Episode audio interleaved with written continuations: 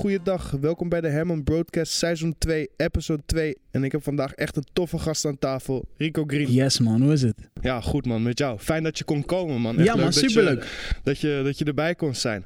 Ehm, nou ja, we, we gaan meteen eh, beginnen. Let's Vertel eens wat over jezelf aan de, aan de luisteraars. Eh, ik ben Rico Green. Mijn echte naam is Ricardo Burgerust. En ik ben eh singer, songwriter, producer. En ehm, ik doe dit al best wel lang, eigenlijk. Hoe lang, eh, hoe lang ben je al bezig? Ik denk dat ik er om mijn 16e begonnen ben. Eh, dus laten we zeggen een jaar of 17. Een jaar of 17 Ja. Dat is echt een oude routinier in het, eh, in het vak. Ja, inmiddels wel, zeggen. ja. Je- En, eh, nou ja, je bent song, songwriter, producer, Ja. noem het maar op. Wanneer kwam je er eigenlijk achter dat je wat voor muziek wilde doen? Dat is een goede vraag. Ik denk dat dat een beetje laat... Nou, eigenlijk wel vroeg, maar ik had niet als, zeg maar, als klein kind al de ambitie om daar echt iets mee te doen. Omdat Juist. ik denk ik niet begreep dat het een soort vorm van werk was of zo. Mhm. Dus ik wilde eigenlijk geschiedenisleraar worden. Oké, dat is een heel groot eh, ja, ja, Ja. verschil waar je nu zit. ja. En toen, ehm, en toen was het tijd om naar... Maar ik zong wel altijd. Ik vond Mhm. het ook heel leuk. Wanneer was je ongeveer begonnen? Eh, Je eerste herinnering? Ik denk een jaar of vijf of zes. Toen kwam ik echt bij een kinderkoor. Dus ik zong daarvoor altijd. Mijn neef zat in een soort, ehm, eh, soort kindergroep in Portugal. Ik ben half Portugees, half Surinaams. En ik, zat, ik wilde eigenlijk gewoon altijd als hem zijn. Dus toen hij ging zingen, ging ik zingen. Toen hij op voetbal zat, ging ik voetballen. Hij, was, eh, hij is eh, voor mij wereld- en Europees kampioen trampolinespringer ook of zo. Dus toen ben netjes. ik op turnen gegaan. ja, en um, dus ik wilde eigenlijk gewoon zijn zoals hem. En toen ben ik op een koor, een soort kerkelijk kinderkoor terechtgekomen in Overschie. Toen ik jaar of zes was. En, um, en toen bleek dat ik... Ik zong daarvoor altijd met Michael Jackson mee en, en, en dat soort dingen. En toen bleek... Toen zeiden mensen van, voor mij kun jij dit best wel. En toen kreeg ik op een gegeven moment een soort uh, solo aangeboden. To- Toen, toen je ook nog zo jong was, zeg maar? Ja, toen was ik een jaar of zeven of ze- uh, Ja. zes, zeven. Maar iedereen in dat koor was best wel jong. Want het was zeg maar tot aan groep acht. Dus, Oké, ja, het is een Ehm, kinderkoor ja. natuurlijk ook. Ja. Dus het was vanaf een jaar of zeven tot een jaar of elf, twaalf max. En ehm, dat vond ik heel leuk. Dat was op dinsdagmiddagen. Ehm, dus dat ben ik gaan doen. En toen zei iemand, ik was de enige jongen in die tijd. Er waren geen jongens in dat koor. Dus het was een soort ding, misschien twee of drie. En toen zeiden ze van, nou, je hebt hier best wel gevoel voor. Wil je dan een solo doen? En dat was dan best wel een, ding. Omdat zij, hij wilde eigenlijk in eerste instantie gewoon een keer dat een jongen aan de voorgrond ja, is ging weer wat anders. En toen ehm, ging ik dat doen. En toen bleek dat een soort ding te zijn. Toen zeiden mensen, oh nee, je hebt echt talent. En toen had ik nog steeds niet echt het idee van, oh, ik ga... Waarschijnlijk gewoon door leeftijd dat je niet helemaal realiseerde Ja, ik, van... had, eh, ik vond. Michael Jackson amazing, maar ik weet even niet of ik het idee had van, yo, ik wil als Michael Jackson Juist, zijn. juist. Wel bij playback shows en zo, Aha. maar niet zo van, oh, ik ga dit doen voor de rest van mijn leven, ga ik op grote podia Juist, staan. dat, zo. dat duurde gewoon nog even voordat Dat je echt die realisatie eh, had. En toen ging ik naar de middelbare school. Er waren twee momenten die een beetje tegelijk gebeurden. Ik was een jaar of tien, denk ik. En toen werd ik uitgenodigd om dan dat Ave Maria, wat mijn solo was inmiddels, eh, te zingen op een bruiloft. Een bruiloft. Ja. En dus ik werd gewoon, mijn moeder is daar met mij heen gegaan en Mhm. ik zong dat liedje. En ik vond dat gewoon tof om te doen. Het was Juist. soort, zo, oh, mensen hebben mij gezien bij dit koor. Nu willen ze dat ik dat kom doen. Tof. en toen, ehm, toen kreeg ik een envelop en daar zat een briefje van 100 gulden in. En als 100 jij, gulden nog, die man, tijd nog, jeetje. Die, die bruine Ja, ja, ja. eh, papieren eh, briefjes van 100 gulden met zo'n vogel erop. En ik weet nog dat ik het openmaakte. En als jij negen bent of tien of zo, is 100 gulden was Ja, een soort van. Ik had dat briefje nog nooit in het echt gezien, toch? Ja, je precies. binnen, je hebt het gemaakt. Dus ik ben teruggelopen ik, en ik zei van mevrouw, voor mij heeft u een fout gemaakt. Dit kan onmogelijk voor mij zijn. Het bestaat helemaal niet. Mhm. En toen eh, zei ze, nee hoor, dat is voor jou. En toen had ik opeens 100 gulden gemaakt. Dus dat was mijn eerste soort van sens dat ik begreep van, oh wacht even, mensen krijgen betaald voor dit. Toen was ik er nog steeds niet helemaal. Nee. En toen was het tijd om naar de middelbare school te gaan kijken. En ik had eigenlijk eh Atheneum Gymnasium eh, advies. Zo. Dus toen was ik aan het kijken, ik wilde twee dingen doen. Of gymnasium of TVWO. TVWO is? TVWO is tweetalig VWO. Dat Oké. een school in Rotterdam die... Is dat, is dat gewoon E- Engels ja, dan Engels. bij? Dus je krijgt dan les in het Engels en, mijn Engels was altijd best wel goed. Ja, En toen kwam er, mijn moeder had een soort boekje over middelbare scholen. En toen, zei ze, toen kwam ze op een school dat heet de HAVO voor Muziek en Dans. Dat is en waar, Rotterdam. waar is dat? In Rotterdam. In Rotterdam. Je komt zelf ook uit Rotterdam ja, ik kom uit? Rotterdam, geboren en getogen. En dus eh, de HAVO Muziek en Dans is eigenlijk een HAVO die je voorbereidt op het consortium. Ja, juist. Dus het is ook een soort samenwerking. Dus in Rotterdam zit het Een consortium. soort van kleine vooropleiding, Juist. zeg maar, voor de grote stad. Juist. Codarts is zeg maar en de HAVO en de dansacademie en het consortium. Alles in één. Dus toen zei ik van, oh, dat is, mijn moeder zei, dat is misschien wel leuk. Toen dacht ik, oh ja, te gek. En ik zei nog met mijn hoofd, ja, dan ga ik dansen. Zingen kan ik toch al. en, toen, eh, en toen zei ze, nee, maar het is dan toch tof dat je kan zingen en op een school kan zitten. Ik dacht, oh ja, dat is misschien wel te gek. Ja. En dan moest je auditie doen. Dus nu werd gek genoeg op een HAVO terechtkomen veel lastiger dan op een VWO terechtkomen. Ja, dat- apart. Wat een beetje apart was inderdaad. Maar dat kwam alleen gewoon door die auditie. ja, dat kwam door En de heb je, heb auditie. je er ook nog wat dansmoves tussen gegooid Nee, nee, nee, om nee, toch nee, even nee, te nee. laten zien nee, van eh, nee, zeker weten, nee, zeker weten niet. Dat, dat zeker weten we niet. Hoe zijn de dansmoves nu? Zijn ze wel wat beter Ze geworden zijn een stukje beter. Ik heb, ik heb vorig jaar, of het jaar daarvoor, heb ik een, een tribute gedaan aan de 90s R&B. En daar moesten we ook echt in dansen. Oh, top. Eh, dus toen moest ik wel. Ehm, dus het is wel iets beter geworden. En toen zei eigenlijk iedereen van, ja, die auditie ga je waarschijnlijk niet halen. Want dit is wel, je kan daarna naar het conservatorium. Dat is de insteek. Juist. Dus ja, je kan wel leuk zingen in dat koor, maar dit ga je waarschijnlijk niet redden. En toen heb ik auditie gedaan. En toen werd ik aangenomen. En toen was het een soort van, die hele vibe op die open dag was ook heel tof. Het waren gewoon allemaal kids en die waren bezig met muziek en dans.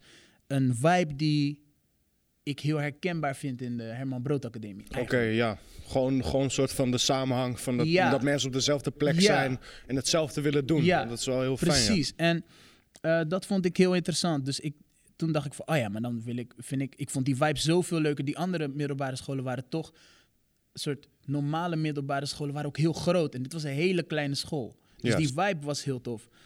En zodoende, toen ben ik naar de HAVO gegaan. En toen kwam ik erachter van, oh, er zit hier veel meer in dan dat ik zelf dacht of zo. Juist. Als mensen hier zeggen dat ik het kan, dan zal het Waarom wel, zou ik het, ja, dan zal zou ik het wel kunnen. waar zijn. Ja. Ja, toch? Als je daar bent aangenomen, Ja. inderdaad. Oké, en dan, dan heeft het natuurlijk wel een periode, want je zegt dat toen je 16e, 17e wel echt, Ja. echt ging bedenken van, of, of binnenkwam van, hier kan ik echt wat mee. Maar eh, met, wat voor, met wat dacht je toen dat ik gewoon, eh, dat, dat je ehm, het kon maken, zeg maar, eh, in, de muziekwereld? Was dat dan toen als producer of, of, of zing, Nee, was- singer-songwriter? Nou, alles is echt voor mij begonnen als zanger. Dus Juist. ik, het feit dat ik kon zingen, heeft ervoor gezorgd dat ik een keer piano ben gaan spelen. En heeft ervoor gezorgd dat ik een keer achter die mic ben gaan staan om iets op te nemen. En dat ik dacht van, oh ja, nu kan ik een beetje piano spelen en ik kan zingen. Dus ik kan melodieën bedenken of zo. Dan kan ik ook een keer kijken naar de tekst. Dus alles is heel erg begonnen vanuit het principe van, oh, ik van ben vocalist. zingen, juist.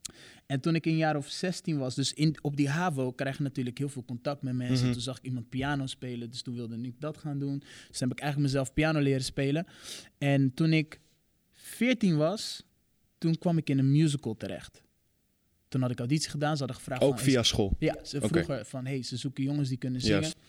Toen heb ik auditie gedaan. En dat was de eerste keer dat ik, toen werd ik aangenomen. Het was Peter Pan, de musical. En, eh, en dat was mijn favoriete Disney verhaal toen ik klein was. Dus dat Oh, leek leuk. me heel tof om te Ja, doen. toch? En toen was ik aangenomen en daar kreeg ik gewoon betaald per show. Betaald per show Ja. via de school. ja, Dat dus is- je kreeg iets van eh, 150 gulden was het geloof ik in Nee, die joh. show. In die, in, eh, in die tijd. Toen al op de middelbare school. ja, en Dat het is was heel grappig, wel- want ik deed dus... Het was in het jaar dat ze naar de euro's gingen. Oh ja, En de switch. je mag dus wettelijk onder je 16e maar 12 shows per jaar doen. Toch? Dus ehm, wat zij deden is, omdat er zoveel kinderen in zaten, is dat ze zeg maar drie maanden voor, het, voor de jaarwisseling gingen ze toeren en dan drie maanden daarna weer. Want dan had je dus Oh, eigenlijk nieuw- dat je juist. er 24 mocht doen. Het is nieuwjaar natuurlijk. Ja, dus de eerste 12 verdiende ik 150 euro per show. En de, de tweede 12 kreeg ik 75 euro of zo. Ja, want dat stond wel in vergelijking Ja, met natuurlijk ja. eh, de oude gulden. En mijn oma en opa die zeiden toen, ik had dus een keyboard waar ik dan mezelf op had leren spelen. En zij zagen ook van, oh, hij kan inmiddels echt spelen. Dus we hebben dit ding soort zien evolueren naar Juist. een soort level dat hij het echt kan. Dus toen kreeg ik een, een echt een groot keyboard. Echt met 88 gewogen toetsen en zo. En zij zeiden eigenlijk tegen mij, als jij dat geld kan opsparen en het niet uitgeeft en niet gaat roken en allemaal rare dingen, dan mag je een keyboard uitkiezen en dan vullen wij de rest bij. Nice. Eh, dus toen ik 14 was, toen eh, kreeg ik zo'n keyboard. Dus toen had ik al een sens van, oh wacht, ik heb gewoon geld verdiend. Ik heb dit eigenlijk, ze hebben me wel geholpen, maar ik heb dit zelf betaald, toch? En toen kwam ik in een coverbandje met datzelfde keyboard en toen kreeg ik ook al snel betaald per show. Niet veel, 50 euro een keer, 100 euro, 200 euro. Maar ik had al wel een soort van, joh, maar wacht even, dit is gewoon mijn geld. Ja, dan gaat het balletje gewoon al Ja. lichtelijk beginnen te rollen. Ja, dus dat was voor het eerst dat ik me besefte van, oh, oh, mensen krijgen gewoon betaald hiervoor. Ja, Dat is tof. Ja. Dat is een hele toffe ervaring. Dus die school heeft wel daadwerkelijk ook echt goed geholpen met de 100%. ontwikkeling eh, Zeker van jou. Ik was, het, het is altijd een beetje dubbel, want wat je ziet is dat de mensen die niet zo goed waren in die vakken en zo. Dus het is heel grappig, want ik had dus gymnasiumadvies, maar ik ben één keer blijven zitten op de HAVO en ik heb volgens mij alle andere jaren soort net gehaald. Maar meer omdat ik gewoon altijd bezig was met dat keyboard spelen en dat uitzoeken. Ja, is en dus beter gewoon eerder de, de persoonlijke ontwikkeling Ja. en, en het schoolwerk en Ja. zo liet je meer links liggen. Ja, en ook in alle eerlijkheid dansmeisjes. Want wij hadden dus... Een, ja, dus I'm keep it Ja, Het was de muziek en dans. En de muziekklassen waren er altijd maar 12 of 15. En dan had je dus, je had één muziek en één dans. Zo groot was die school dus maar. Er zaten was misschien het maar gewoon. 200 mensen op of zo. En de dansklas waren altijd 30 meisjes. Dus dat is, als jij opgroeit, toch een soort ding of zo, I guess. Ja, het, is toch voor, vooral Ja. op die leeftijd, toch? Zeker. 14, je gaat Ja. alles ontdekken. En je bent zanger, toch? Dus daar is daar iets wat mensen altijd interessant vinden. Ja, toch? Ja, sowieso wel. Ja. Sowieso Dus toen bleef ik zitten. Toen bleef je zitten. Of heb je gewoon expres gedaan om nog een jaartje dat extra die dans kunnen... Nee, dat was het jaar dat ik mezelf echt heb leren spelen. Dus ik deed gewoon echt niks anders. Ik kwam thuis en dan was het soort van... Ja, je hebt morgen een, een eh, aardrijkskunde toets. Maar ik was gewoon van... Ja, maar ik moet dit Toto-liedje uitzoeken of zo. Ja, toch? Maar dus, die achteraf kijk je er ook niet terug van dat je er spijt van hebt dat je Nee, helemaal zitten. niet, Nee, toch? Toen ik bleef zitten, eh, het jaar daarop kwamen de nieuwe gasten op school die dat jaar bleven zitten. Dus toen kwamen we allemaal bij elkaar in de klas. En eigenlijk die klas is de beste ervaring uit mijn leven. En dat zijn nog steeds mijn beste vrienden ook, till this day. Dus Tof, tof. Eigenlijk nee, Day had ik helemaal niet anders willen doen. Nee, toch? Hey, maar nu, eh, nu ben je dus ook eh, eh, docent of ga- gastdocent hier. Heb je Ja. nooit eens een keer, ben je daar ook niet uitgenodigd om, om weer eens een keer wat te doen bij die oude school? Of, Nou, dus niet op de HAVO. Niet op de haven? Nee, maar wat grappig is, is grappig. Ik had het daar vandaag nog over. Toen ik naar het consortium ging, dus ik heb de HAVO Muziek en Dans gedaan, heb ik afgerond. En toen ik 18 was, toen kwam ik dus op het consortium. Ja. En toen ben ik na twee jaar ben ik gestopt. Toen heb ik auditie gedaan op Berkeley. En Berkeley is een school in Boston. Een soort hele hoog aangeschreven school. Mhm. En toen ik daar was aangenomen, toen had ik eigenlijk besloten dat ik wilde stoppen met het studeren van muziek. Dus niet zozeer omdat ik het idee had dat ik niks meer kon leren, maar meer dat ik dacht van, joh, oké, maar dit proces van het doen op een soort academische manier, Ja. Ik denk dat ik er veel meer uit haal als ik mezelf in diepe gooi en gewoon ga doen. En dan Juist. vanzelf. Maar welke richting was dat? Dat, dat was dus, die Berkeley was een hele hoge aangeschreven Ja. school in Boston. Ja, Maar wat, eh, wat voor studierichting pakte je zang. daarop? Ik heb gewoon auditie gedaan voor zang. gewoon- ja, ik heb gewoon oké. auditie gedaan Juist. voor zang. Net zoals wat ik op het consortium ook deed. en dus ik was gestopt. En toen... eh, ik ben dus in 2008 naar het consortium gegaan. Hoe was dat? Hoe was die hele 2007? vibe in Boston ook ja, het gewoon? was wel dat- awesome. Het, was Ja? een soort, het is wel echt een soort legendarische school. Dus echt heel veel bekende mensen wat voor mensen hebben daar, gestudeerd. geef een voorbeeld. Wat voor mensen hebben daar Sting gezeten? heeft daar gestudeerd en Phil Collins heeft er Zo. gestudeerd en eh hoe heet dat? Eh Pharrell van de Neptunes en zo kan ik nog forever doorgaan. En eigenlijk wat het is, is dat in Amerika zijn die opleidingen heel duur. Dus je doet Juist. auditie voor een beurs. Ja. En het, dat was ook grappig, want ik had eigenlijk al besloten dat ik, niet, dat ik het niet zou doen. En toen kreeg ik later kreeg ik een beurs voor een jaar. En een semester kost 36.000 dollar. Dus ik kreeg 64.000 dollar eigenlijk om daar te gaan studeren. Ehm, en toen had ik gezegd, nee, ga ik niet doen. En waarom, waarom die beslissing uiteindelijk niet? Nou, het was voor mij van, ik, ik ben natuurlijk opgegroeid met een bepaalde stijl, R&B. En dat is zo Amerikaans. Dat toen ik daarheen was en ik zag hoe mijn auditie verliep. Kijk, de keerzijde daarvan, dat is iets wat in Nederland niet kan. Is dat als jij genoeg geld hebt, kun je gewoon gaan studeren. ja, Dus dan hoef je niet zo super goed te zijn. nee. Snap je wat ik bedoel? Ja, ja, ja. Als, jij, als jij het jaar collegegeld kan betalen, moet je wel auditie doen. Maar dan zijn ze al snel van ja. Dus enerzijds krijg je de soort supertoppers die het geld niet hebben en dus eh, de crème de la crème aan, eh, aannemen om eh, voor die beurzen. Anderzijds wordt de school eigenlijk gefundeerd door mensen die niet zo goed zijn muzikaal. Juist, want zij hebben natuurlijk wel gewoon genoeg mensen nodig om daar, om het ook rond te laten komen. Dus toen ik, dus toen ik zag hoe dat daar ging, in, over het algemeen kom je er in Nederland op de consistoria niet mee weg om auditie te doen met een tape. In die tijd, Mhm. toch? Omdat hip-hop en RB was nog niet zo'n Niet zo groot ding. in zoals Dus nu. je kwam nog niet binnen met een soort trap-instrument of waar je overheen ging zingen. Ja, ja, ja. Toen de tijd was van, joh, iemand moet jou begeleiden op een gitaar of piano. Het moet echt gewoon live. Ja, en ik kwam binnen en toen zeiden ze van, heb je een tapeje? Dat vond ik heel raar. Toen zei ik, nee, ik ga mezelf begeleiden op een piano. En dat vonden ze toch al een soort ding of zo. Dat ze dachten, oh, oké.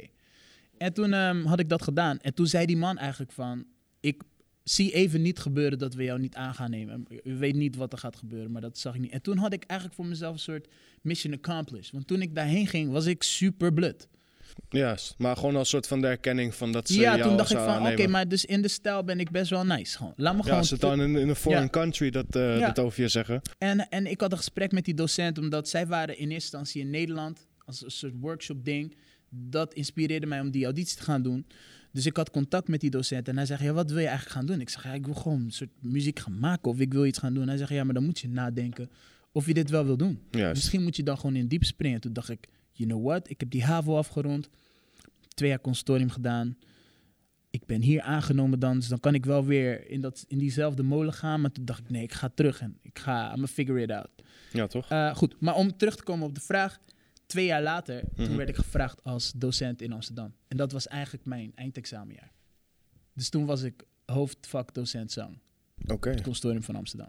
tof. tof. En hoe, hoe ben je daar uiteindelijk eigenlijk bij gekomen bij het lesgeven? Eh, wat vind je er leuk aan ook?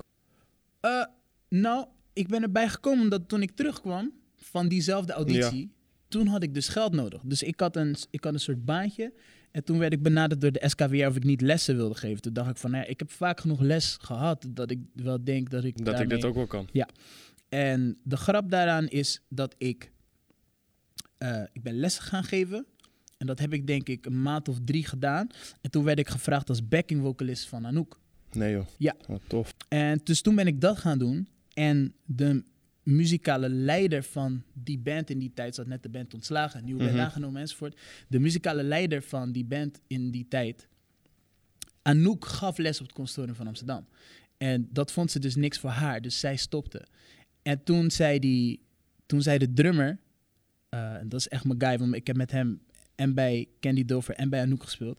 eh, die zei van, ik denk dat je Ricardo moet checken. En toen zei hij van, ja, maar die jongen is zelf 22. Dat is te jong. Hij zegt, ja, maar hij is in het veld. Hij doet Ja, eigenlijk doet- alles waar je wil zijn. Dus toen heeft hij mij gevraagd. Dus eigenlijk werd ik Anouk haar vervanger op het Je bent de van replacement van Anouk. Ja. Ja. dat is toch, eh, Nou. toch best tof. Dus dat was best wel crazy, want ik Ja. was jonger dan veel van mijn studenten in die tijd. Dat, is, dat, is, dat lijkt me best wel een aparte vibe, Ja. lijkt me op zich wel. Ja, Eh, dat is in wel- het begin moeilijk, neem ik Ja, ook aan. zeker. En dus waar, eh, wat ik er leuk aan vind voor mij persoonlijk, is dat ik lesgeven vooral leerzaam vind. Ook voor jezelf. Ik- ja, ik denk dat ik. Je kan dat lesgeven, zeker op zo'n soort instituut, kun je niet echt bluffen, toch? nee. Dus bepaalde technische dingen of andere dingen waarvan ik ze wel kon, maar niet helemaal alle termen van wist of zo. Nu moest ik mezelf dus dwingen, waar ik daar als student dan wel mee weg kon. Maar als docent kan het niet meer. Als docent kon dat niet. Dus nu werd ik gedwongen om alles wat ik echt had geleerd, echt te weten. Juist. In plaats van een soort van... oh ja, half-half en Precies. we komen er wel door. En dus eigenlijk, ehm, wat ik altijd probeer te doen in de benadering, is omdat ik- wat ik niet fijn vond aan mijn tijd eh, in het consortium, is dat ik dus ook best wel een jonge docent had, Mhm. die al veel van dezelfde baantjes kreeg als ik, of die ik had afgewezen. Juist. Dus wat je kreeg was een soort van, op het moment dat ik in de lessen was, voelde er heel erg een vibe van, oh, maar nu ben ik de docent, toch? Mhm. En wat ik dus had meegenomen, omdat ik eigenlijk in zo'n soortzelfde situatie kwam, is dat ik nooit ben binnengekomen van, yo, ik ben, Ik ben de docent. docent. Nee, ik heb een bepaalde skillset en ik denk ervaring die ik misschien voor ben. Maar laten we samen op zoek gaan naar Ja, laten we whatever it is dat werkt voor jou, toch? Omdat Juist. ik denk dat het veel meer een soort zoektocht is in plaats van het kennen van allemaal regels. Ja, ik denk vooral ook wel in, in, in, de, in de industrie waar je in zit. Ik bedoel, er zijn natuurlijk heel veel regels, maar regels zijn om- vooral in deze industrie om gebroken te worden. Zeker. Ook wel. Zeker, Weet je, pushing the limits, denken Ja. uit, eh, eh, outside of the box en zo. 100 procent. En, eh, maar wat, ehm, Wat kan jij voor jouw gevoel dan echt meegeven aan de studenten nu op de HBO? Of, of in het algemeen? Oh, dat is. Ik denk dat ik een mooie brug kan slaan tussen de wat de soort oude generatie die in a way, als het gaat om zangers en ehm, vocalisten, die heel erg gebaseerd is op skills. Juist. Als je kijkt naar de artiesten van vroeger, dat waren allemaal soort super super zangers, toch? Whitney's, Ja, Michael's. en het zijn allemaal een soort van bijna grondleggers. Of Ja. de mensen die het echt groot hebben Ja, en gemaakt. dat waren dus allemaal vocalisten op zo'n hoog niveau dat iedereen, eh, dat de scholen waren ook ontworpen als een soort van, ja, je moet dus zo hard dat ding gaan studeren om daar in de buurt te komen. Dat is een klein beetje anders nu. Niet in de zin zeggende dat die vocalisten niet meer goed zijn, maar je hebt er nu misschien maar drie van zo'n Echt zo'n niveau, niveau ja. toch? Je hebt Bruno en misschien dan Adele of, eh, you know, Beyoncé. En dan daarna heb je dus heel veel muziek tegenwoordig, wat hits zijn, die niet per se draaien om hoe goed, hoe goed jij bent, maar gewoon als vocalist. van...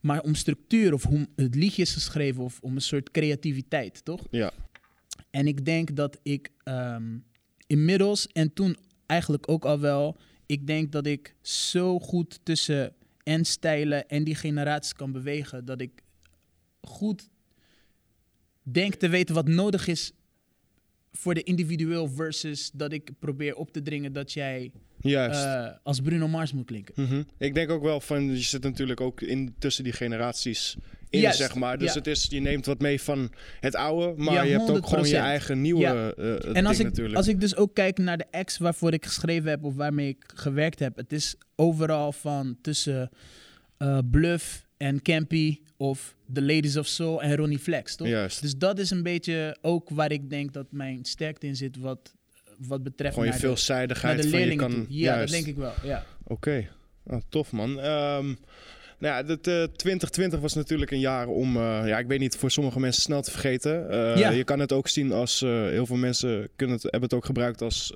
als leerproces. Zeker. Je hebt in andere dingen tijd kunnen steken. Ja. Ehm, hoe zie jij 2021, we zitten nu natuurlijk al in maart, maar hoe zie je 2021 voor je qua festivalseizoen? Want eh, Oh. ik, ik had wat gezien van dat je in 2020 ook wat ex had op, op festivaletjes. Ja, hoe, hoe ziet het er nu voor je uit? nou ja, ik had, eh, ik denk dat ik 20 festivals had staan vorig jaar. Die zijn op een gegeven moment allemaal gecanceld. Dus ik heb, ik heb 2020 wel gevoeld. In ieder geval zeker wat dat betreft in de portemonnee of zo. Verder vond ik het dus niet echt een kutjaar. Ik, ik ben sowieso denk ik iets te positief ingesteld om daar dan echt te diep in te gaan. Eh, maar 2021 heb ik wel geleerd. En ik was daar al, een punt, al eerder eigenlijk. Alleen kwam corona dan misschien net op nog een transitiefase. Mhm. Dat ik geen shows meer eh, wilde doen in een vorm waarin het moest. Dus ik wil eigenlijk, ik wilde sowieso op een gegeven moment, ik heb heel lang bij, dan bij Anouk gezeten, Mhm. bij Candy Dover en ik was altijd aan de toeren, want dat is een groot gedeelte van de inkomsten of zo. En ik ben in 2017 ben ik gestopt bij Candy Dover omdat ik dus meer wilde gaan schrijven. Ja, En, eh, en, en ik heb heel, heel heftig de wereld getoerd. Dus ik ben in 53 landen geweest om te zingen, denk ik. toch En een ik, en, en, twint, en ik wilde daar vanaf in de zin dat ik dacht van... ja, maar ik wil dit niet meer moeten doen Mhm. om mijn rekeningen te kunnen betalen. Ik wil Juist. het doen als ik het tof vind om te doen. Gewoon dat je het gewoon kan doen omdat je het ja, leuk omdat, vindt. omdat ik daar was een beetje het plafond soort bereikt in die zin van ja, dus we hebben clubs gedaan en arena's Mhm. in wat voor vorm dan ook. Dus ik zeg niet dat ik als solo-artiest een arena heb gevuld, maar wel eh, als een voorprogramma. Je hebt, het, of, je hebt er toch gestaan, Ja. je hebt het toch meegemaakt. de 100%. energie, de vibe Dus die er omheen zit. of het nou clubs waren of poppodia's of arena's of festivals, Mhm. wereldwijd had ik dat gewoon een klein beetje gezien, denk ik. Wat, eh, even tussendoor, wat vind jij dat- voor jezelf, hè? eh, wat vind jij het fijnst om in op te treden? Club vibes, eh, stadion, Oeh, dat vind ik echt of moeilijk. gewoon echt bijvoorbeeld een, een melkweg type shit, weet je wel? Gewoon kleine zaal, intiem, noem het maar Dat op. vind ik heel erg moeilijk, omdat ik eigenlijk gewoon geniet van het optreden zelf. Mhm. Ik denk dat ik dat entertainment of performen eh, een van de leukste dingen vind. Dus eigenlijk de vorm maakt me niet zoveel uit. Nee, Ik had op een gegeven moment wel dat ik bijvoorbeeld niet echt meer achter mensen wilde gaan staan. Dus na Anouk ben ik geen backing vocals meer. nee, nee, nee. zo. Dat is wel gewoon genoeg geweest. Eh, maar dat maakt me eigenlijk niet uit. Ik denk dat ik dus ook daarin weer. Dat is enerzijds de kracht, enerzijds mijn, eh, mijn valkuil is dat ik het brede heel tof vind. Dus ik vind het heel tof om letterlijk de ene dag van een club in Hongkong te gaan naar de dag erna in Barcelona in een stadion te openen voor Chris Brown. Die dynamiek geweldig. vind ik eigenlijk leuker. En dat heb ik dus ook met muziek schrijven en produceren. Ik Mhm. vind het dus leuk om te zeggen, ah ja, ik heb dit liedje gemaakt met Ronnie Flex en dit liedje gemaakt met Glennis Grace. Ja. Dat vind ik, eh, dat is een beetje moeilijk omdat mensen willen graag dat het één ding is. En als je één ding doet, dan word je heel goed in dat ding, word je misschien bekend om dat ding. Maar dat werkt voor mij persoonlijk gewoon Nee, toch iedereen zijn eigen weg Ja. eh, uiteindelijk. Dus ik denk dat, ik heb daar niet per se een voorkeur in. Top, top. Eh, nou, nu heb je ook... eh, ik heb even wat, wat research gedaan natuurlijk Ja. voor, eh, voordat we begonnen. Toen heb ik ook wat dingen voorbij zien komen van jou bij 538. Ja, De oldschool R&B hits. ja. Is, is dat de naam, was dat de naam van de groep of was dat de nee, naam dat was van de naam fragment? van de tour. Van, van de tour? Ja, Oké. dat En- diezelfde tour waarvan ik zei dat ik moest gaan dansen, dat ja, is ja, diezelfde dat is die tour. Ja. Hoe zijn jullie tot stand gekomen bij 538 uiteindelijk? Eh, dat is een goede vraag. Wij hadden. De eerste tour was in 2018. En het is dus een tribute aan de eh, RB van de 90 jaren. Ja, 2000 ook? Kan je die meerekenen? Of is echt alleen de jaren 90? Ja, begin 2000, 2000 zit er een klein beetje in. Beetje maar de het, golden era is, het is eh, eigenlijk wel jaren 80, eind jaren 80, jaren 90. En toen de tweede tour hebben we dat een beetje aangepast. En de eerste tour was, waren tien theaters. mhm. En wij merkten dat in de grote steden ging dat op zich best wel. Maar daarnaast was het toch een beetje moeilijk.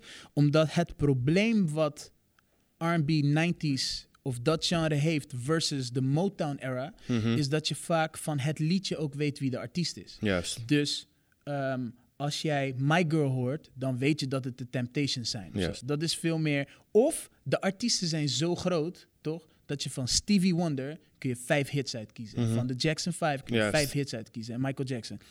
De R&B 90s zijn een klein beetje moeilijker wat dat betreft. Omdat heel veel mensen kennen de liedjes wel, maar niet per se Niet de, artiest. artiest erachter. Dus This Is How We Do It kent iedereen. Ja, maar niet maar iedereen rest- weet dat het Ma- Montel Jordan is.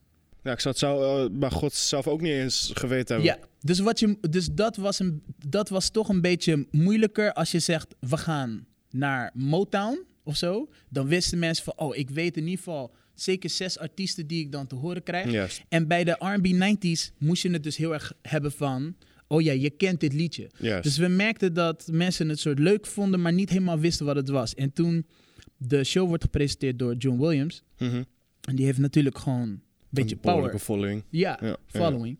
En eh, dus die had ervoor gezorgd dat we toen live konden spelen bij 538. En toen deden we Blackstreet. I Ja. like the way you work it. Dat. En End of the Road. En dan is het dus, oh wacht, we kennen die liedjes. Is dat wat we gaan krijgen? Juist. En toen ging het dus opeens heel hard. Toen En- en- en Rotterdam je- de dag erna uitverkocht. Echt? En dan Ja. zag je daarna ook gewoon in, in de wat kleinere steden ook eh, de, de ja, want op een gegeven moment, die, die, die tien shows eh, heeft, er heeft ervoor gezorgd dat we dus in het seizoen daarna hebben we de 42 gedaan. Zo. Dus, Zo, dat dus het heeft, woordje ging ook eh, verspreiden Ja, toen ging het opeens best wel hard, ja. Oké. Ja. Tof, Ja. tof. Ook een ervaring wel. Ja, was heel eh, tof. Toch wel. Ja, Oké, eh, nou ja, daarnaast ben je natuurlijk ook gewoon nog zelf bezig met, eh, met muziek maken. Ja, zeker. Ehm, En ik had wat gezien van je EP, up- upcoming EP, volgens mij 90%. Ja. 90% is dus, is dus laatste single. Mhm. Dus de EP heet anders en die komt er binnenkort aan. Ik, ik weet nog helemaal niet wanneer. Mag je al wat over vrijgeven voor wat de naam is van eh, de EP? Of wil je dat ja, nog even onder de EP houden? heet Neon 87. Mhm.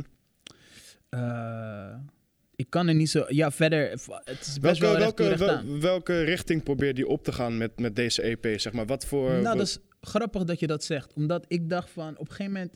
Je bent toch in de muziekindustrie altijd bezig met... Oh ja, wat vindt de radio? Of wat vindt die? Of wat vindt deze? En op een gegeven moment was ik daar zo klaar mee... dat ik dacht, oké, ik ga gewoon letterlijk een lijst maken... van alles wat mij beïnvloed heeft, toch? Dus het Mhm. was... eh, het ging van Toto naar Michael, naar Stevie, naar Boyz II Men, naar...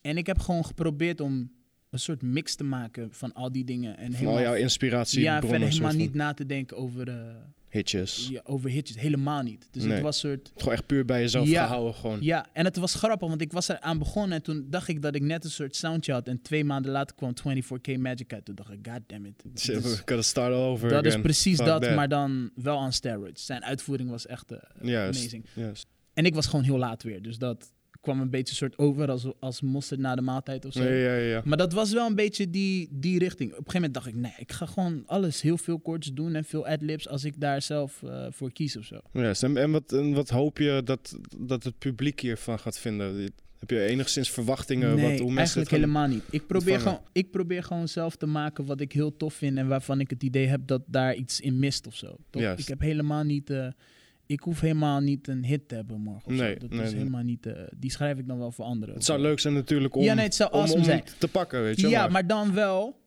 nog steeds omdat je hebt gemaakt wat je hebt Juist, gemaakt de- en niet de- andersom. De satisfaction gehalte zal veel groter zijn. Dus voor mij als 100 mensen, want ik heb natuurlijk, omdat ik zoveel gereisd heb, heb ik wel een soort kleine following die best wel internationaal is. Eh, waarvan een groot gedeelte in Japan zit. Dus als 100 mensen zeggen, yo, deze song is echt amazing. En dat komt dan uit eentje uit Zweden en twee uit Maleisië en tien uit Tokio. En dan het kan snel gaan vind ik het tegenwoordig deze tijd. vind ik het eigenlijk al awesome, toch? Omdat ja, ik vaak iets gemaakt heb waarvan ik het idee heb van, joh, niet nog tien andere mensen doen dit. Want ik Mhm. heb het vaak zelf geschreven, zelf geproduceerd voor een gedeelte Hard. met ja, anderen. En eh, dat vind ik gewoon leuk. Ja, dat is, dat is hard. Ja. het echt gewoon echt puur van jezelf. Van. Dan kan je Ja. ook mee doen en laten wat je wil. Gewoon. Is Precies, toch? En ik wil, helemaal niet, ik wil helemaal niet in een soort discussie met mensen over van, ja, maar Nee, als je toch? dit doet, dan de radio. En ik heb namelijk, omdat ik ook veel voor anderen schrijf, heb ik ook vaak gezien, ook voor mezelf overigens, dat je dan volgens de regels alles maakt. En dan zegt de radio nog steeds, ja, we gaan het niet draaien. Dus dat, Is, is die wereld daar zo op gefocust op de radiohitjes de, te- tegenwoordig? Ja, nou, je, je ziet nog steeds wel dat ehm, eh, mensen zijn wel in de wel proberen in sessies toch vaak in de trend te schrijven, toch? Dus toen de drop Mhm. een ding was, toen kreeg je dus in sessies van, oh ja, moet dit de tagline worden en dan komt de drop, toch? En wat de drop dan wordt, ja, dat weten we niet. Eh, en dus er was een tijd dat kleine, lichtere vocalen beter werkten dan hele grote, powerful eh, vocalen. Dus ik merk wel dat in de songwriting community, als je met z'n allen gaat schrijven op die writing camps voor bepaalde DJ-acts of voor bepaalde artiesten, is dat nog steeds wel een ding. Ik denk dat het iets minder is geworden toen streaming nog meer een ding werd. Omdat streaming heeft er een beetje voor gezorgd dat alle regels van tafel Eigenlijk wel. Je hebt geen platenlabels meer per se nodig. En, en noem het maar op. Nee, en toen opeens, bedoel, Drake staat nu op 1, 2 en 3. Met, oh, gewoon op de, op de, op de top charts, in Amerika. Ja. Toch? Dus ja, ga jij maar hier in Nederland met z'n drieën eh, proberen een Drake liedje te maken op zo'n level. Ja, dat werkt succes. dus niet echt zo, snap je? Nee, klopt. Dus je probeert altijd... eh, Als zou het wel kunnen, maar ik denk ook wel dat, eh, dat, dat Drake zo groot is. Het maakt bij, eigenlijk bijna niet eens meer uit wat die man uit. uitbrengt. Weet je? maakt dat is- helemaal niet uit. Het maakt niks meer uit. Nee. Maar dat lijkt me wel een soort van ook fijn als artiest wetende. Dat, dat je dan gewoon echt gewoon Ja, je gang kan gaan. Nou ja, want wat je dan krijgt is, als je dus op een gegeven moment beseft dat je zo groot bent, dan ga je dus maken waar je van houdt. Ja, juist. In plaats van maken wat werkt, toch? Ja, dat zie je bijvoorbeeld ook met Beyoncé. Haar following is zo groot. Dus mensen zeggen, ja, we willen de oude Beyoncé en de power ballads en allemaal dingen. En zij denkt eigenlijk gewoon van, ja, maar Dat is eigenlijk niet why? Waarom zou ik op dit punt in mijn leven niet exactly maken wat ik wil maken, als mensen het toch wel gaan checken? Ja, Ja, toch? zeker. Dus ik ga helemaal geen single maken. Ik drop morgen gewoon een album en ik zeg het tegen of nowhere. iemand. Vind ik eigenlijk nog het hardst ook. Dat, is ik, super, super vind ik het crazy hardst van allemaal ook Ja, dat nog. is het amazing. onverwachte. En dus wat ik het mooiste vind, is dat als artiesten op dat punt komen in hun carrière waarin ze kunnen zeggen: Ja, ik geef helemaal niks om een hit. Al, Want als ik een plaat drop, dan gaat mijn following het sowieso checken. Ja, En dus laat ik de artvorm maken waarin ik in geloof. Als zij een soort allemaal rapachtige liedjes wil doen met autotune en dat trapdrums, gewoon. dan gaat ze dat gewoon she doen. don't give a fuck no more. Precies. En dat vind ik eigenlijk veel harder. In plaats van dat ze zegt: Oh ja, ik heb een hitsingle nodig morgen. Ik denk, ik, ik denk ook wel dat het natuurlijk met eh, ja, financiële onafhankelijkheid ook eh, te maken eh, 100%. heeft. Want ik bedoel, als jij eh, nog niet eens brood op Maakt de het ook een plank kan stukje brengen, makkelijker. ook relaxter Ja, om het proces in te gaan, lijkt me. Ja. Eh, dat dat ook wel een grote factor is. Dat zou ik ook de- niet denken dat dat voor heel veel artiesten ook een rol Ja. mee zou kunnen spelen. Ja. Want er zijn genoeg artiesten die niet heel veel geld ermee verdienen en ook gewoon nog echt maken wat ze willen. Ja. Ja, het is eh, ja, tof. Ja, tof dus ik, denk, allemaal. ik, vind die, ik vind die plek van mensen in hun carrière vind ik tof. Als eh, Drake, als hij morgen wil, kan hij de toetsie-slide maken. Cause who cares? En als hij heel serieus over iets wil rappen, gaan mensen het waarschijnlijk ook checken. Ja, dat is zo. en dat is gewoon, dat is tof. Daar heb je ook naartoe gewerkt. toch? Ja, Dus toch? dat, is, dat, daar heb je het wel voor gedaan. hij kon dat ook niet altijd doen. Er was een tijd dat hij heel erg moest op van, oh ja, wat is de single? Wat vindt het label? Wat vindt het management? En nu hoeft maar hij heeft toch nu zijn eigen label, OVO Ja. Sounds, volgens ja, mij. dus hij kan gewoon met zijn vrij. producer een kelder in gaan, iets opnemen en zeggen, yo, let's put it out next week. En dan wordt het een smash. fuck het gewoon, weet je. Fucking awesome. Sowieso, ja, Ja. hard. Super hard. Dat vind ik ook hard. Dus eh, ja, nou ja, dat is in ieder geval je, je e- upcoming EP. Ja. Eh, kan je nog één keer zeggen wat het, eh, hoe het heet? En, Neon, Neon 87. en ongeveer een datum? Nee, nee, dat, nee. het kan nog- ook zomaar morgen droppen, moet, dus. Nee, ik moet nog een paar... ter- Nee, wat? Nee, de mensen gaan het bij mij niet checken. Ik moet het pushen tot... Promotie, the wheels alles. fall off. Nee, ehm, eh, ik heb nog geen idee. Ik moet nog een paar tracks afronden, want ik heb nu allemaal losse singles gedaan, een stuk of vijf. Ehm, en daar komen nog één of twee tracks bij en dan drop ik het EP. Maar eigenlijk omdat ik zoveel muziek heb voor daarna, dat ik gewoon eigenlijk verder wil. Ja. Is, Ja. Dit, is dit ook tot nu toe, het, want heel veel artiesten zeggen altijd als ze iets nieuws uitbrengen, Ja. het is het beste till date wat ik heb gemaakt. Eh, Voel je jezelf ook erover dat dit het beste is wat je tot nu toe I eh, don't know of hebt het het gemaakt? beste. Het is de beste representatie van hoe ik me op dat moment voel, Hoe je nu, denk ik. juist. En ik denk dat ik enthousiaster ben over de muziek erna. Maar dat komt gewoon omdat als je muziek hebt, hoe langer dat blijft liggen, hoe minder soort dan het boeiend is nog Mhm. voor jezelf zo. Dus ik denk dat, eh, en ik denk sowieso dat ik het beste wat ik in me heb nog steeds niet heb moet gemaakt. nog, eh, moet nog komen. Nee, dat moet sowieso nog komen, ja. Dat is een mooi vooruitzicht. Nou, dan Ja. gaan we er meteen naartoe. Want eh, wat zijn je future plans nog? Na je EP bijvoorbeeld. Ja, ik denk dat er daarna nog een EP komt. Ehm, en ik ben dus heel actief in het schrijven van K-pop en J-pop. Mhm. J-pop is eigenlijk gewoon Japanse pop en Ja. K-pop is Koreaanse pop. Zodanig zelfs dat ik vandaag de nummer 1 single en het nummer 1 album in Japan heb. Dat wil ik toch even zeggen. Nee, Congrats, congrats. Ja, thank you man, Shit. appreciate it. Blessings. Ehm, dus dat is wel een soort focus waar ik, een soort ding waar ik me de afgelopen tijd, afgelopen paar jaar op heb gefocust. En Ja. daar begin ik nu wel de vrucht van te zien. Dat vind ik a very interesting eh, space, want Tokyo is forever mijn top 3 stad om in te zijn. En ik ben er al 16 Hard, keer geweest en die shit went eigenlijk nooit. Ehm, dus ik ben heel excited om daar omheen iets te gaan bouwen. Dus of het nou een soort productieteam wordt om in die markt te faciliteren. Mhm. Of een soort publishingbedrijf. Of Ja. something in ieder geval waarmee ik in de Aziatische muziekindustrie aan de slag Hoe ga. is die Aziatische muziek en verschilt die veel van Die bijvoorbeeld de westerse, van de westerse Eh, industrie? Ja, in die zin dat is ook weer een beetje per land verschillend. Ja, ja, ja. Eh, kijk, bijvoorbeeld Japanse acts verkopen echt nog heel veel fysieke platen. Heel Gewoon erg veel. echt Gewoon CD's. vinyltapes, eh, CD's echt. CD's gewoon. Ja, echt veel Hard. CD's. Bijvoorbeeld, dat album wat vandaag heeft uitgekomen, heeft vandaag 190.000 kopieën verkocht. En het is vandaag uit. 190.000. Ja, precies. En God als je er dus uitgaat dat zo'n album ergens tussen de 25 en de deluxe version 80 euro kost. Doe, ja, doe de math. Ja, Snap je wat ik eerlijk. bedoel? En dat, 190.000. dat is dus heel erg nog een cultuurding. Eh, en dan K-pop is zo, zo dominant op het moment in de wereld. En wat je dus krijgt is dat die twee markten zijn voor een bepaald gedeelte best wel onzichtbaar. Behalve dan de acts die iedereen kent, de BTS's en de Blackpinks.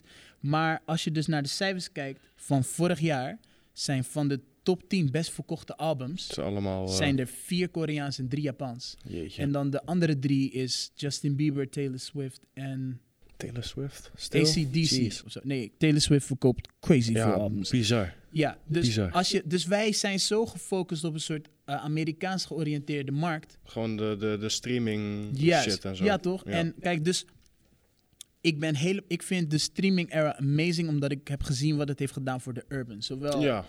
wereldwijd als... Ik heb de... Ik zat in een groep, de Remix Crew. Ik heb de struggle meegemaakt dat mensen je op YouTube gingen checken en dat dat niks betekende. Nou ja, helemaal, nou, inderdaad, views, likes, betekende maakt niks, allemaal geen het, uit. het was niet voor de charts en zo. Dus, die, dus mensen vonden daar van alles van. Tot aan het moment dat. Tot aan het moment dat Spotify kwam en de streaming mee ging tellen voor charts, Mhm. platinum plaques en zo. Maar als schrijver is de industrie waarin je heel veel fysieke albums verkoopt en singles veel interessanter. In ieder geval financieel gezien Ja, dan sowieso, in de tuurlijk, streamingwereld. 100%. Ja, Ja, want dus je pakt- ik vind het een toffe space om in te zijn. Also, het is een beetje meer eclectisch, toch? Dus op zo'n album van een K-pop of J-pop groep heb je de ballad en je hebt Mhm. eh, het popliedje en je hebt de urban song, je Ja. hebt eh, de country ballad, whatever the case may be, toch? En ik vind dat toffer dan dat ik elke dag iets moet maken waar trapdrums in moeten of autotune in moet. Ze, zitten niet echt vast aan één... Again, wat ik uit probeerde te leggen, dat Mhm. ik soort van tussen bluff en Ja, campy ja, ben. dat is dus eigenlijk Dat- heel die industrie daar. Dat is die hele industrie daar. En dat vind ik dus veel. Dus voor mij ec- meer exciting of zo. Het is gewoon veel uitproberen wat ze daar Ja. ook doen. Ja, en ze hebben niet zo dat ding van less is more. Ze zeggen nee, er zitten 16 guys in deze groep. Go, kom ja, maar door laten met we zien ideeën. wat, we, er, wat Ja. we ermee kunnen. En het is, ik bedoel, Ja. het heeft vaak genoeg gewerkt, eh, zulke Ja. groepen. Ik, Ja. eh, nee, ja. Dus ik vind dat interessant. ja, logisch man. Nou, hartstikke bedankt Rico dat je er was. Nee, jullie Eh, bedankt. Echt Super tof eh, dit. super tof. eh, veel verhalen gehoord. eh, eh, veel geleerd ook weer. Dank Over, misschien moet ik toch ook maar een beetje gaan induiken in de K-pop Ja, of, eh, of iets of zo. het is echt een grote industrie. Is, Dus, zijn er nog wat artiesten per se aan te raden of groepen? in, in K-pop, Ja, zoiets. EXO vind ik heel dope. EXO. Ik vind BTS tof. BTS. En er zijn er nog een paar die ik heel dope vind. NCT vind ik tof. En J-pop groepen zou ik zeggen, The Rampage is dope. Eh J-Soul Brothers is dope. Zijn er, zijn er zoveel. Je zou denken, je zou zweren dat ze allemaal hetzelfde zijn. Dat is ook nog eens echt niet waar. Ah, we're gonna check it out. We gonna check it out. Nou, Rico, hartstikke bedankt. Bedankt. heel veel succes met je aankomende EP'tje. Dank Iedereen eh, eh, gaat checken als het uit is. Yes. Volg Rico op Instagram, Facebook, noem het maar, Alles, Soundcloud, Twitter, YouTube. ben daar. Let's Maakt niks it. uit, man. Sluit in zijn DM. Noem het maar. Ja. Halen. Ah, oké. Dankjewel, Fijne guys. dag, mensen. Yes.